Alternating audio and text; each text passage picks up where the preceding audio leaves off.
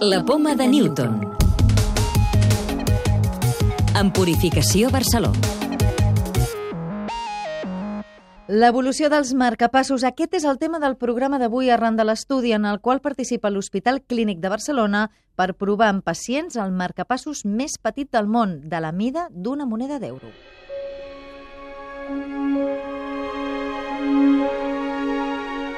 En aquesta primera fase de l'assaig s'implantarà a 60 pacients de tot el món. Es tracta d'una petita càpsula que porta la bateria i s'enganxa al cor sense cables i que suposa una autèntica revolució en el camp d'aquests dispositius, ja que fa les funcions dels marcapassos convencionals. Lluís Mont, cap d'arrítmies del clínic. Aquesta càpsula fa totes les funcions que fa un marcapàs normal, des d'estimular fins a detectar el ritme del cor, però també transmet informació per internet. Nosaltres podem saber a distància què, què està passant en, en el cor d'aquell pacient. Tot això ja estava implementat en els marcapassos que teníem ara, però és que el que hem aconseguit és miniaturitzar-ho i poder-ho ficar dins del cor. Aquest petit marcapassos de moment no és apte per a tot tipus de cardiopaties, però millora considerablement tant la tècnica com la recuperació del pacient. No necessitem fer una cirurgia, no necessitem implantar una bateria sota la pell, no necessitem deixar uns electrodes dins del torrent circulatori que arribin fins al cor, sinó que directament i ràpidament anem al cor, deixem aquesta càpsula i marxem. Això realment té uns avantatges per al pacient en quant a que els sistemes, com més components tenen, més possibilitats de fallo tenen. Mm, els cables que porten al cor doncs, poden fallar, es poden trencar al llarg dels anys, es poden infectar. Per tant, tots aquests inconvenients que teníem, doncs, eh, aquest nou sistema el, els pot evitar.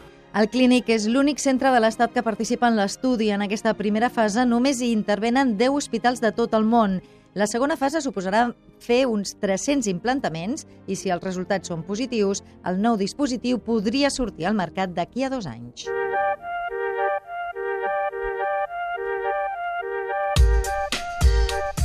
Avui també destaquem que hi haurà una missió espacial europea per trobar planetes similars a la Terra. Es tracta de la missió Plató, que ha aprovat l'Agència Espacial Europea i que permetrà localitzar i caracteritzar centenars de planetes potencialment habitables pròxims al sistema solar.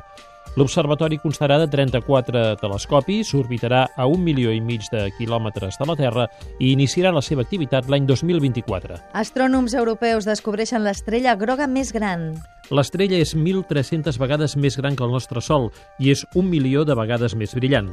El descobriment l'han fet investigadors de l'Observatori Europeu Austral, l'ESO, i es tractaria d'un dels astres més grans coneguts fins ara. Científics nord-americans han creat un prototip d'ulleres que revoluciona la visió dels cirurgians en operacions oncològiques. Les ulleres permeten que el cirurgià vegi de color blau les cèl·lules canceroses per distingir-les més bé de les sanes. L'eina, que encara està en fase experimental, evitaria que quedin cèl·lules canceroses sense netejar i que s'eliminin teixits sants. La clau de volta.